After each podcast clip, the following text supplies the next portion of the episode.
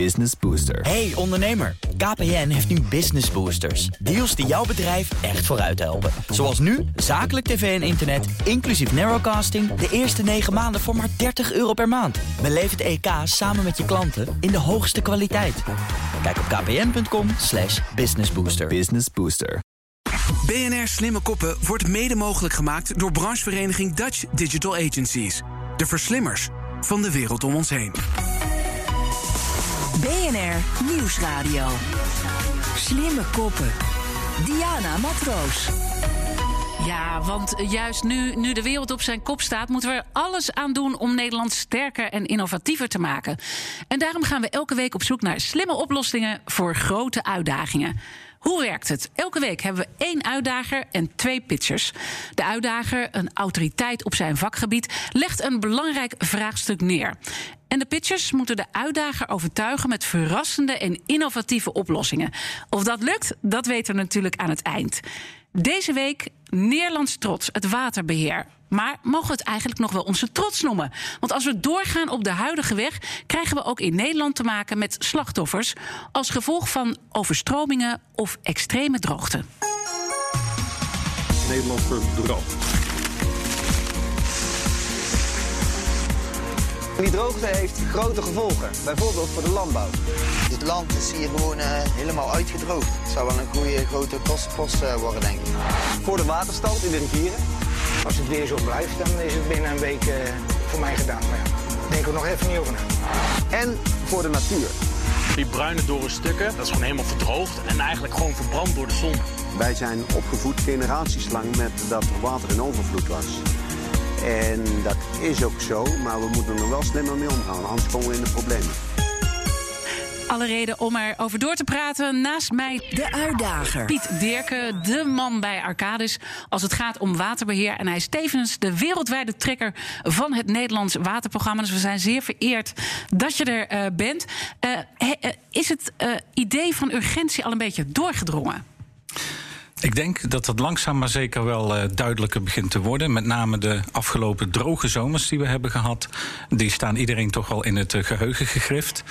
Dat we daarnaast ook kans op overstromingen hebben. En dat die kansen ook groter kunnen worden. Dat maken we wat minder vaak mee natuurlijk. Dus dat zakt een klein beetje weg.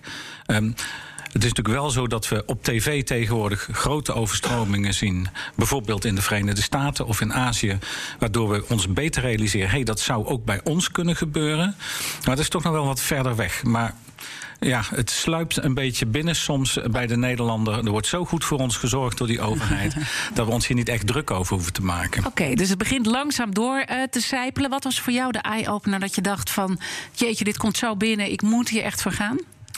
Nou, voor mij persoonlijk het moment was uh, Hurricane Katrina uh, in New Orleans. Um, daar ben ik uh, persoonlijk heel veel bij betrokken geweest. Dat heeft echt eigenlijk ook mijn leven veranderd en mijn kijk op, op de wereld en op de risico's van klimaatverandering en van, van overstromingen. Daar heb ik van zeer dichtbij mogen meemaken, kunnen meemaken wat het betekent als zo'n grote stad, qua omvang vergelijkbaar met een stad als Rotterdam, als die volledig overstroomt en als daar heel veel mensen bij om het leven komen. En wat het betekent om dat dan weer op te bouwen. En niet alleen de hoogwaterbeschermingssystemen om die stad opnieuw weer veilig te maken, maar ook het vertrouwen terugwinnen van de bevolking om weer terug te komen naar die stad en weer uh, opnieuw te beginnen en het leven weer op te pakken. Wat uh, overigens nog lang niet met iedereen is gebeurd. Er ontbreken nog steeds heel veel mensen in New Orleans die nooit zijn teruggekomen. En je hoopt natuurlijk niet dat zoiets in Nederland gebeurt. Nee, zeker niet. En dat, dat heeft dus echt jouw leven veranderd, zeg ja. je. Dat is nogal wat. Wat, wat. wat heeft het persoonlijk aan jouw leven veranderd? Nou, het heeft voor mij betekend dat ik eigenlijk in die afgelopen 15 jaar bijna met niks anders meer bezig ben geweest. Uh, jarenlang uh, in New Orleans bezig geweest. Uh, halverwege de completering van de werkzaamheden daar. Ik heb daar overigens niet gewoond, maar ik vloog in en uit. Mm -hmm. was het duidelijk dat ook New York grote risico's liep. En ook daar overstromingen kwamen. Naar New York, tussendoor San Francisco. Inmiddels is, zoals u weet, uh, Houston vorig jaar overstroomd. in Harvey zijn we ook mee bezig. Azië. Dus eigenlijk, eh, nou, ik wil niet zeggen dat ik van overstroming naar overstroming ga. Ik probeer er eigenlijk juist elke keer voor te blijven. En mensen op tijd te waarschuwen dat we er wat aan doen moeten. Ja, want dat willen we natuurlijk uiteindelijk. Dat en ik we. noemde al eventjes Nederlands trots eh, is het altijd eh, geweest. Maar mogen we het nog wel zo noemen als we er eigenlijk een beetje slappie mee eh, omgaan? Ik vind dat we dat nog steeds mogen zeggen. Want Nederland is echt een voorbeeldland voor de hele wereld. Als ik niet op reis ben en vele watermanagers met mij, dan ontvangen wij hier delegaties vanuit de hele wereld werkelijk. Die uh, de stormvloedkeringen willen zien en de delta werken, maar die ook bijvoorbeeld willen weten hoe een gemeente als Rotterdam omgaat met het bergen van zijn regenwater. Of hoe een stad als Amsterdam creatief bezig is met het bergen van regenwater op daken in, een groot programma. Dus we zijn in die zin nog altijd wel dat gidsland. Maar we moeten wel ervoor zorgen dat we inderdaad uh, niet verslappen. Nou, daarom hebben we ook deze uitzending. En Precies. straks ook uh, de slimme koppen die gaan uh, pitchen. Waar ga jij op letten? Um, ik ga letten op het innovatieve karakter van een idee. Ik heb natuurlijk al heel veel ideeën gehoord. Dus ik ben benieuwd of ze me weten te verrassen met iets creatiefs. Uh, ik zal daarnaast ook kijken naar de. Laten we zeggen, hoe realistisch is het idee? Is het haalbaar? Is het technisch uitvoerbaar? Uh, is het ook te betalen? Is er, zijn er financiële middelen voor? Uh, ik vind het ook heel belangrijk om te kijken van wat vinden de mensen, de burgers hier nou van? Want je kunt wel iets heel technisch verzinnen, maar als er niemand in de stad er zin in heeft of er iets aan vindt, dan heb je er ook niet veel aan. En last but not least, uh, ik zal ook kijken wat zeg maar, de impact is op onze ecologie en op onze natuur. Mooi, mooie punten allemaal. Dus ik denk dat we maar gewoon heel snel moeten beginnen met de pitches. Want uh, laten we ze niet langer in spanning houden. Overigens ook weer dit keer heel veel inzendingen via LinkedIn en allerlei kanalen via de mail binnengekomen. En dat is zo super om te zien dat er zoveel mensen slimme en innovatieve ideeën aandragen.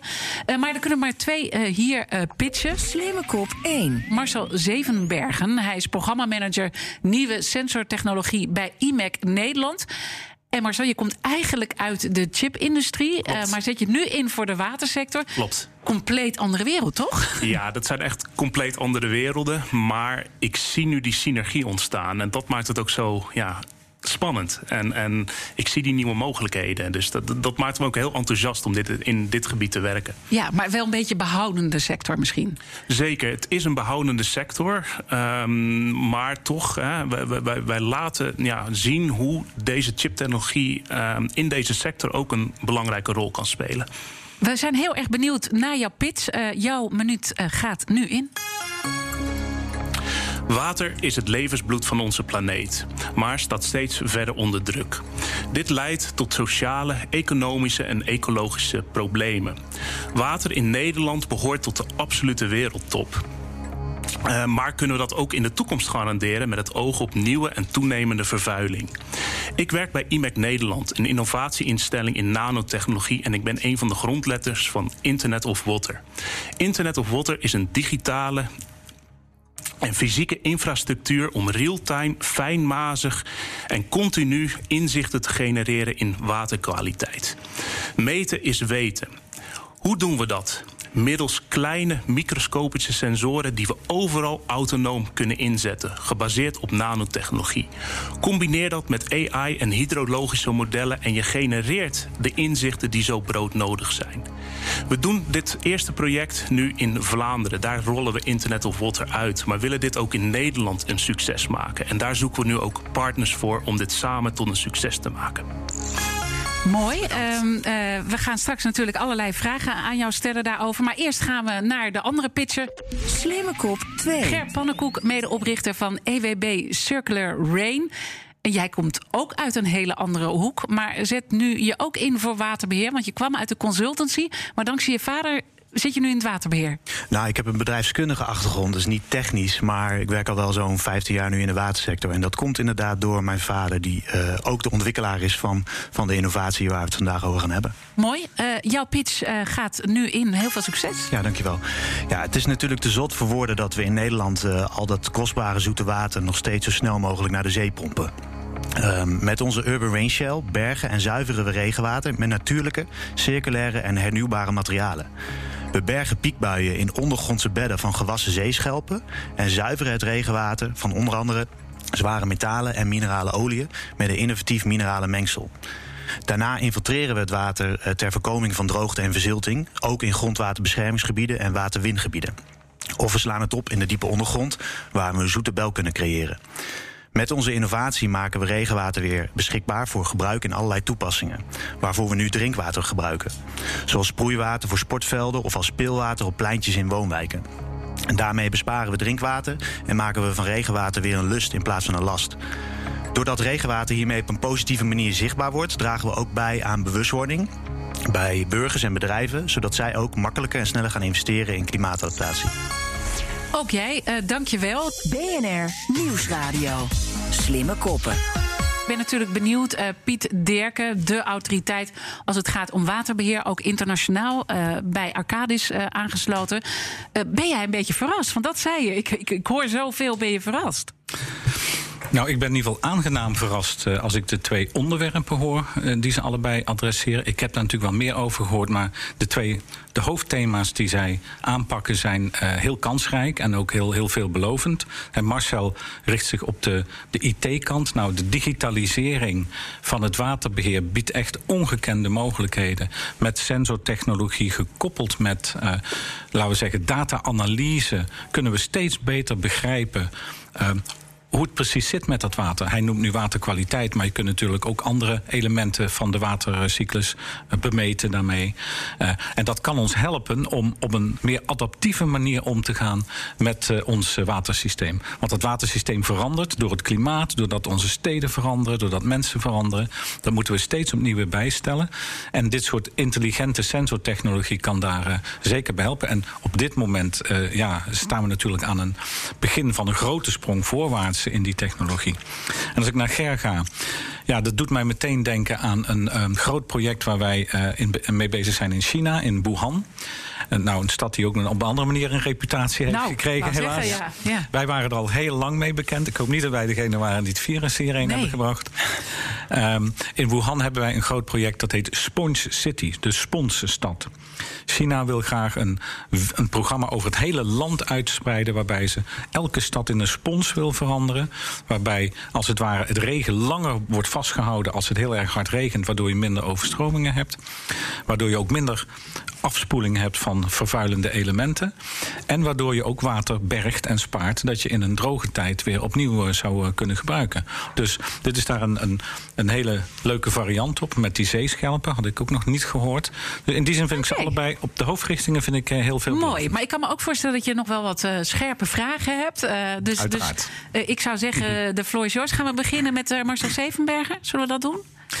Ja, nou, ik, eigenlijk zat in mijn inleiding net al een vraag uh, opgesloten. Waarom richt je je heel specifiek alleen op waterkwaliteit nu? Kun je dat uh, toelichten? Um, ja, voor waterkwaliteit hebben we echt een groot gat gezien tussen bijvoorbeeld de huidige sensoren die op de markt zijn, hè, die, die groot, ontzettend kostbaar zijn, maar nog steeds um, betrouwbare data opleveren. En wat wij terugkregen ook van verschillende partijen is, hè, maar we hebben meer inzichten nodig op meerdere plekken. En daar hebben wij dus onze chiptechnologie tegenover gezet. En je moet je voorstellen, um, de, achtergrond die ik heb uit de industrie waar wij uh, vandaan komen. Deze technologie is enorm schaalbaar. Dus vergelijk het hè, met, je, met, je, met je smartphone, uh, de kern van je smartphone. Ja, daar zitten miljarden schakelingetjes in die precies op dezelfde manieren werken. Nou, neem die schaalbaarheid en maak daar sensoren van. En, en dat is wat wij gedaan hebben, waardoor uiteindelijk echt die kosten enorm naar beneden kunnen. Waardoor je dus echt uh, enorm veel meer sensoren kunt inzetten dan tot nu toe mogelijk was. Maar dus je zou veel meer kunnen doen dan alleen letten op de kwaliteit. Je zou ook iets kunnen doen als er bijvoorbeeld extreme droogte uh, dreigt aan te komen of uh, overstromingen. Leg dat nog even uit.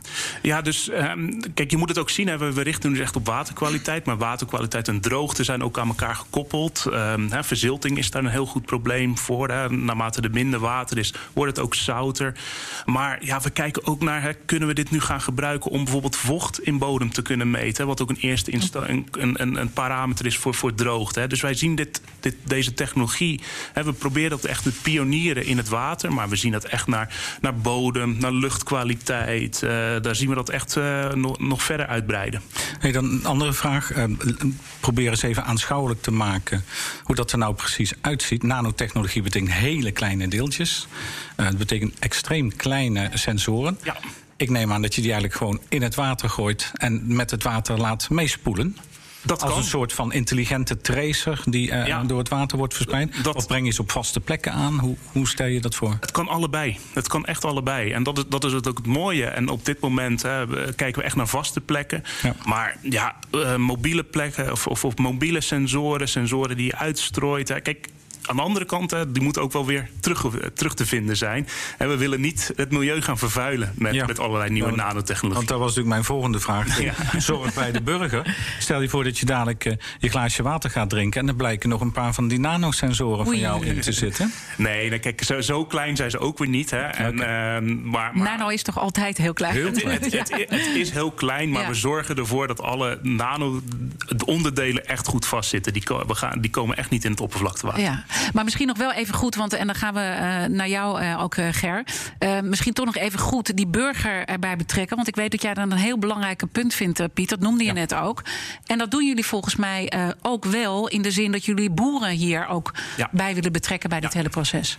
En dat heeft ook te maken. We zijn onlangs ook een heel nieuw research-instelling begonnen, One Planet in Wageningen. En daar zoeken we ook echt, echt de contact op met de boeren om bijvoorbeeld ook deze technologie toegankelijk maken voor, voor boeren. Uh, die, die makkelijk, hè, die, die, die, zijn ook, uh, die, zijn geen experts in het meten van waterkwaliteit. Dus kunnen wij hen ook technologie ter beschikking stellen die ja, voor, voor iedereen te gebruiken is. Ook, ook andere belanghebbende burgers.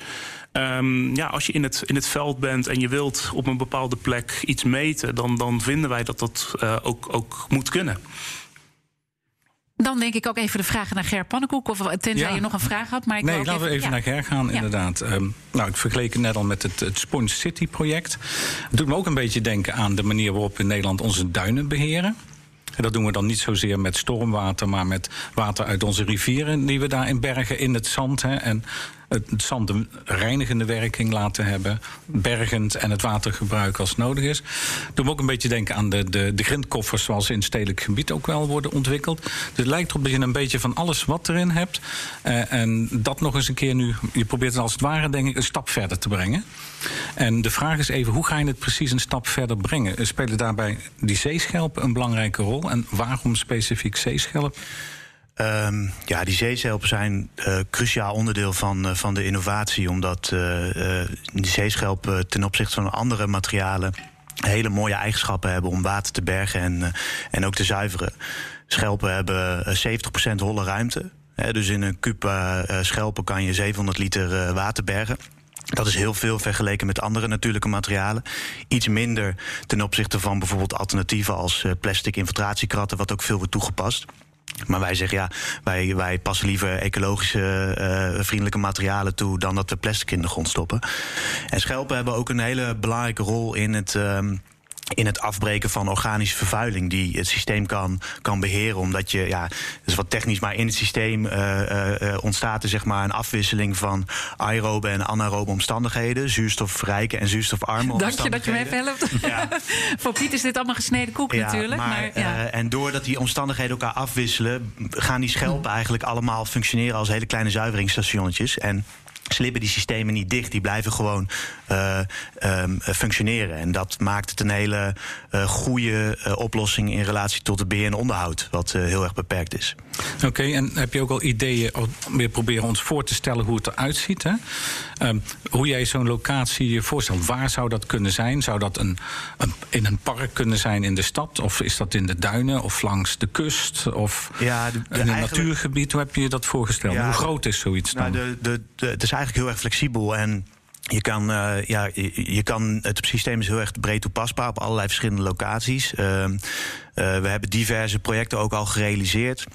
Onder andere in, in Zeeland, waar we 4 hectare sportaccommodatie, uh, regenwater daarvan afkoppelen, bergen, zuiveren en weer gebruiken voor de bevloeiing van de, van de hockeyvelden. Dat is een voorbeeld. Maar uh, deze week wordt uh, een ander project van ons afgerond... waarbij het systeem wordt toegepast onder de wegverharding. Um, en uh, daarmee kunnen we dus water onder de weg, bergen zuiveren... en ja, weer veilig infiltreren in die noden. Ja, maar als je dat, dat hockeyveld neemt... dan ja. heb je ook wel weer wat meer de betrokkenheid van de burger erbij. Want die ja. ziet dat dan wel voor de ogen ook gebeuren, toch? Zeker, zeker. En we hebben ook andere voorbeelden waarbij we het inzetten... inderdaad onder pleintjes en het regenwater weer beschikbaar maken voor, voor hergebruik. Onlangs in, uh, in Amsterdam uh, zo'n systeem gerealiseerd. En uh, nu ook in Vlaanderen is dat, wordt vandaag opgeleverd. Um, en ja, dat zijn allemaal voorbeelden inderdaad... waarbij we ja, het regenwater echt actief zichtbaar willen, willen maken. Zodat we bewust worden ook ervan. Ja, ja dat dat helpt natuurlijk ook heel erg. wat, wat ik ook heel erg mooi vind... is dat, dat jullie merken dat klimaatadaptatie heel hot is. volgens mij heet jij ook eigenlijk klimaatadaptatie-expert, Piet Dirken... bij, bij Arcadis. ik heb het net iets anders uh, omschreven. Maar dat woord dat is ook nu ook heel erg uh, hot. Maar de oplossingsrichtingen zijn vaak verkeerd, zeg jij.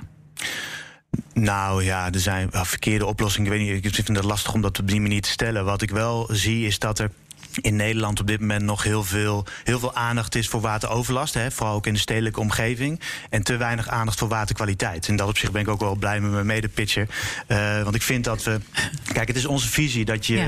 uh, afstroom met regenwater, zeker van parkeerplaatsen, uh, wegen en dergelijke, waar veel, veel zware metalen, mineralen, olie en dergelijke in zitten, dat je dat niet diffuus de bodem en het grondwater moet laten verontreinigen. En dat gebeurt wel als we alleen maar focussen op oplossingen die, die, die bergen en het, en het water infiltreren zonder aandacht te hebben voor die waterkwaliteit. Dan creëren we misschien, misschien weer andere problemen voor, voor de toekomst. En wij zijn van mening dat we dat moeten voorkomen. Ja, goed punt lijkt me, Piet. Ja. Dirke, herken je dat? Ik herken het. Um, ik wou het even over een ander punt hebben voor jullie allebei, wat niet aan de orde is gekomen. Heel goed, ja. We hebben de burger gehad, we hebben de techniek gehad. Um, maar wie hebben jullie nou allebei in gedachten uh, voor je, je eigen idee als het gaat om het beheren daarvan? En uh, wie zou bereid willen zijn om zoiets te ontwikkelen en te bouwen en ook te, te onderhouden? Maar wie zou er ook zeg maar, zijn geld in willen steken? Hebben jullie daarover nagedacht? Ja, ja. begin maar Ger. Ja, ja. Um, ja kijk, uh, Enerzijds zijn dat de gemeenten zelf. We proberen juist het systeem uh, te ontwikkelen wat heel erg robuust is in zijn beheer en onderhoud. En wat mee kan in het bestaande onderhoudsregime. Uh, een van de barrières waar je tegenaan loopt vaak met dit soort innovaties ziet dat uh, vanuit beheer en onderhoud vaak uh, uh, er veel weerstand is om tot toepassing van nieuwe producten over te gaan. En wij proberen ons juist te onderscheiden door te laten zien dat het beheer en onderhoud juist heel erg beperkt is van dit systeem, waardoor het mee kan gaan in de standaard ja. werkzaamheden die men al uit moet voeren. En dan even, Marcel, ja. nog even kort, want we moeten al bijna gaan afronden. Het is, het is helaas weer zover met die tijd. Ja, bij ons is het echt eigenlijk iedere belanghebbende um, die afhankelijk is van bijvoorbeeld van oppervlaktewater. Hè. Wij zien al heel veel tractie vanuit de waterschappen, hè, van wiens opdracht het is om, om, om te zorgen dat het uh, oppervlaktewater van bepaalde kwaliteit blijft. Maar ook drinkwaterbedrijven, uh, die zijn afhankelijk van bepaalde innamegebieden. En die zeggen ook van ja, wij hebben daar gewoon meer kennis en meer inzichten in nodig hoe dat zich ontwikkelt over tijd. Hè. Dus, dus eigenlijk mijn antwoord is ja, iedereen die afhankelijk is van het oppervlaktewater. Mis, misschien nog een aanvulling vanuit, uh, vanuit. Heel, heel mini-mini kort. Ja, ja want ik wil Piet nog even het woord geven. Als je kijkt ja. naar bijvoorbeeld het hergebruik van water, mm -hmm. uh, dan zouden ook bijvoorbeeld weer de drinkwaterbedrijven een rol kunnen spelen. Als de schaal dermate groot is dat. Dat het ook voor hun interessant uh, begint te worden. Ja, want kijk, voor hun is ja. decentrale productie van alternatief voor drinkwater is gewoon iets wat de toekomst is, ook voor hun. Dus ja. daar kunnen ze misschien ook een rol in spelen. Piet, we gaan straks nog even daarna zit verder praten. Maar even hier om de radio-uitzending af te sluiten. De conclusie. Uh, wat neem jij mee uit dit gesprek? Nou, ik vind het zeker allebei uh, goede ideeën. Ik uh, herken er veel elementen in. Ik merk ook dat het nog dingen zijn die in ontwikkeling zijn. Dat is ook goed. Daar ben je nog mee bezig. Het zou mooi zijn als er dadelijk pilots zijn of als er ergens een plek is waar uh, je het kunt gaan bekijken, zowel als burger als ook als beheerder. Um, ik denk dat de beheerders die jullie noemen hier zeker geïnteresseerd in zullen zijn, maar tegelijkertijd inderdaad die vraag hebben van past dit wel in ons onderhoudssysteem en binnen onze normen en binnen de wet en de regelgeving? En waarschijnlijk om echt succesvol te zijn, zal uiteindelijk het overkomen van die hindernissen wellicht nog belangrijker zijn dan de technologische stap vooruit eh, die jullie hebben gezet. Oké, goed punt uh, om mee, te geven. Uh, dank aan Piet Dirken, klimaatadaptatie-expert bij Arcadis. Marcel Zevenbergen, hij is programmamanager nieuwe sensortechnologie bij IMEC Nederland. En Ger Pannenkoek, medeoprichter van EWB Circular Rain. Slimme koppen. Even napraten. Was het spannend om voor de autoriteiten te spreken? Dat kon ik me opeens zo voorstellen. Marcel? Nou, ik maakte meer, meer druk over mijn pitch. En toen ik die eenmaal gedaan had, uh, dan viel ook de spanning weg. En je stelde hele goede vragen. Dat, uh, en, en het is jammer dat we, dat we maar een half uurtje... want ook ja, je laatste ja. opmerking, daar, ja, daar zou ik nog wel even over willen verder uh, praten. Nou, ook, doe, doe, dat bij deze. Af, nou, ik, laat eerst even Ger aan het woord. Oh, even Ger. Hoe, hoe je, neemt het gewoon even, je neemt het gewoon van mij over. Wat goed. Ger, wat vond jij? Ik ga helemaal mee nee, met Marcel. Ja, hetzelfde verhaal. er is, er is, het is zo'n complex onderwerp en er zijn zoveel elementen. Mm -hmm. Ja, dat kan je niet in een half uurtje bespreken met elkaar. Nee, en vandaar ja, dus ook even deze lekkere nazit. Voor de mensen die ja. nog even wat langer willen luisteren, praten we nog even door. Want Marcel, je zei, ik wil nog wel ergens over doorpraten. Ja, ook over jouw laatste opmerking. Hè, van hoe kun je ook uh, die adaptatie uh, krijgen. En, en kijk, wij pakken dat aan um, door gewoon domweg gewoon naast gevestigde systemen te meten. Dus, dus echt om, om, om dat vertrouwen te kweken van... ja, we hebben onze microsensoren en die plaatsen we echt naast uh, de, de, de beste sensoren die je kunt kopen... ook echt in het veld. En, en alleen dan kun je echt laten zien van... hé, hey, die sensoren die, die leveren dezelfde kwaliteit wat jullie al kennen... waar jullie al op vertrouwen. En, en, en, dan gaan, en dan zie je ineens dat kwartje vallen. Maar, en dan zeggen ze van, ja, maar dan wil ik het daar installeren... en daar installeren en zus en zo, misschien onder de grond. En dan begint dat echt dat hele creatieve denkproces... Uh, is dat een beetje een antwoord uh, op de vraag? Want uh, hij wilde ja. toch nog eventjes daarover doorgaan. Uh, helpt dit of zeg je... Nee, goed nou, punt. Ja. Ik denk dat... Um, um, de sensortechnologie, de hoe kleine gevoelige dingetjes die heel goed kunnen, iets kunnen meten en dat ook heel goed kunnen doorgeven. Vroeger ging, ik herinner me nog dat dat nog met een telefoonsysteem moest, waarbij je de sensor moest gaan bellen naar het ja. centrale systeem en zo. Nou, dat hoeft allemaal niet meer.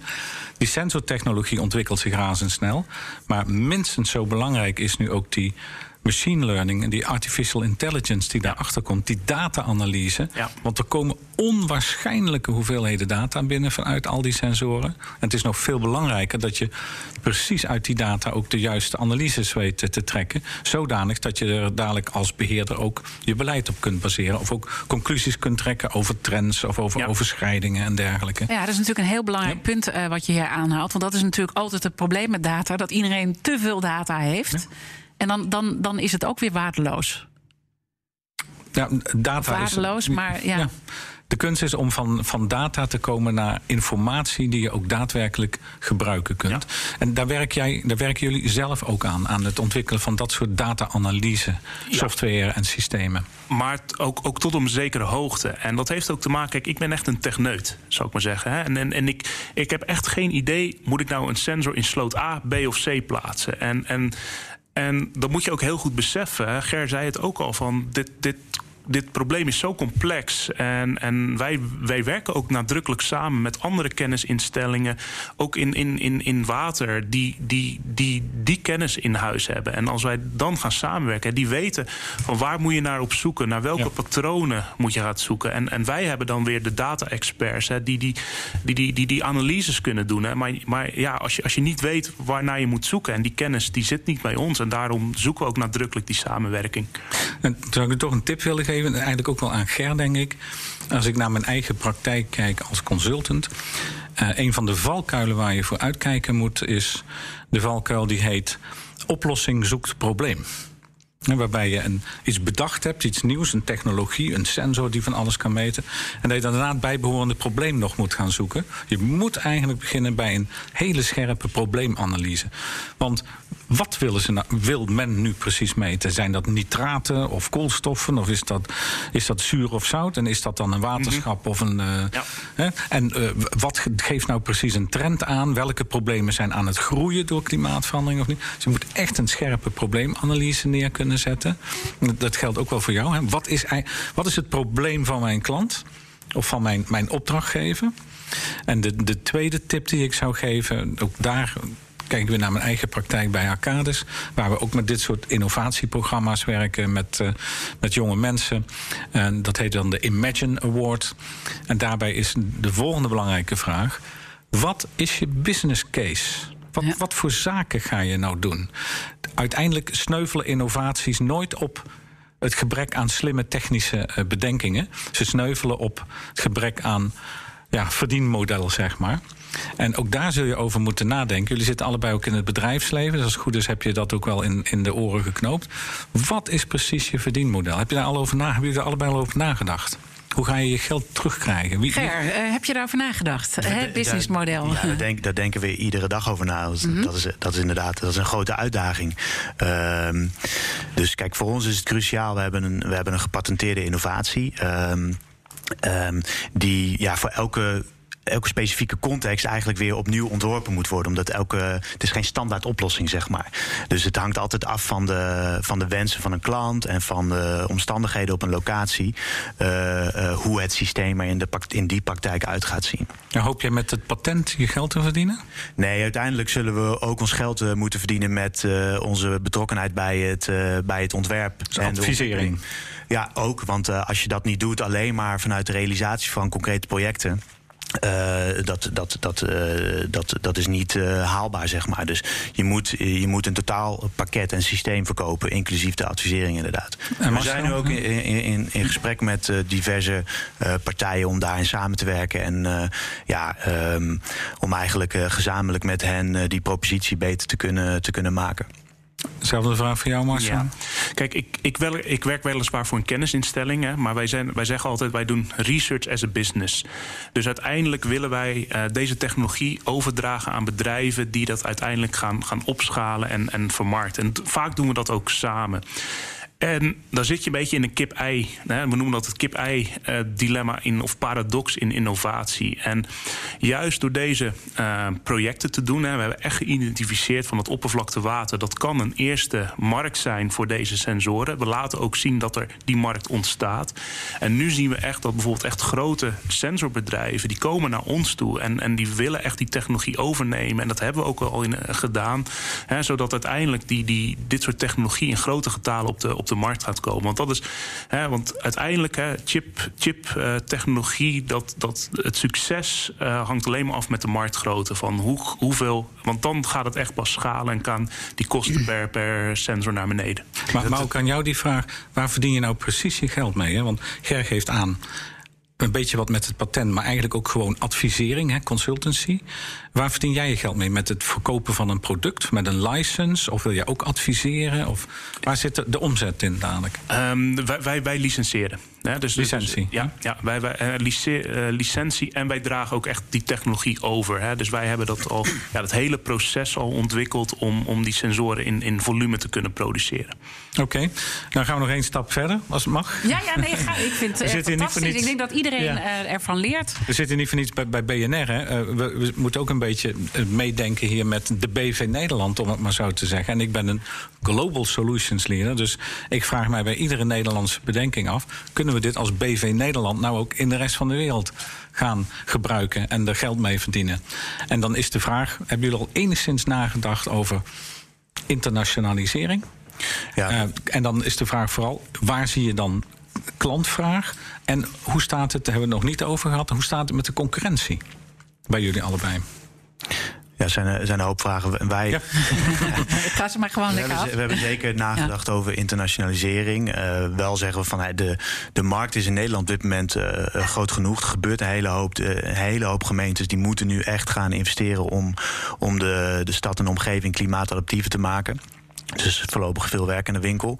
Maar ja, vooral uh, het robuuste karakter van, uh, van ons systeem en het uh, onderhoudsvriendelijke karakter van ons systeem. Kijk, de, Marcel werkt met echt hoogtechnologische innovatie. Ja. Ons systeem is eigenlijk veel een, een laag technologisch. wij werken met natuurlijke materialen, is eigenlijk een nature-based solution.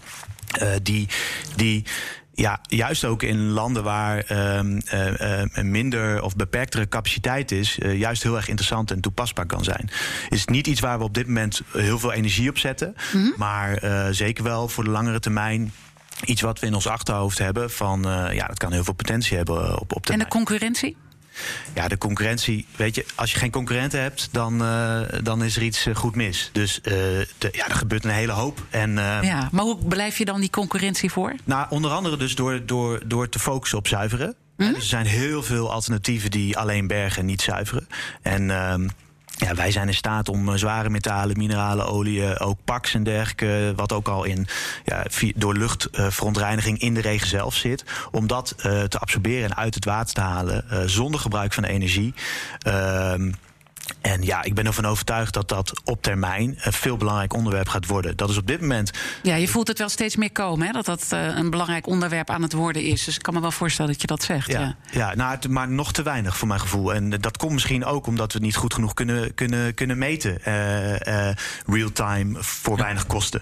Um, He, dus... Want zou er nog een samenwerking tussen jullie in zitten? Want jij je, je, je verwijst vaker uh, naar Marcel. Goed punt. Ja, nou ja, ik zie wel, uh, ik zie wel potentie in die zin dat ik, uh, dat ik het belangrijk vind dat de markt dit soort technologieën gaat toepassen om te kijken, uh, kunnen we voor relatief weinig kosten wel een continu inzicht hebben in de, de, de kwaliteit van het water dat we op grote schaal aan het infiltreren uh, uh, laten. Ja. En als dat via dit soort technologieën kan, dan zou dat super mooi zijn. Ja. Dat, ja. Maar zoals zie jij daar ook een gedroomde samenwerking of zeg je nog even niet? Nee, ik, ik zou het echt fantastisch vinden. Hè, van, van als, als, als, als dit infiltratiesysteem ergens geïnstalleerd wordt en, en bijvoorbeeld wij kunnen daar omheen echt kijken van voor en na. Hè, van van, welke verschillen zijn er. En, en, en doet het echt wat het moet doen? En, en dat kan jou weer, weer feedback geven of om, om je systeem toch aan te passen. Of, of, hè, of, of in ieder geval de controle te geven dat het goed werkt. En, en ja, dat, dat... dat is al heel belangrijk voor jou nu in deze fase. Ja, precies. precies. Ja.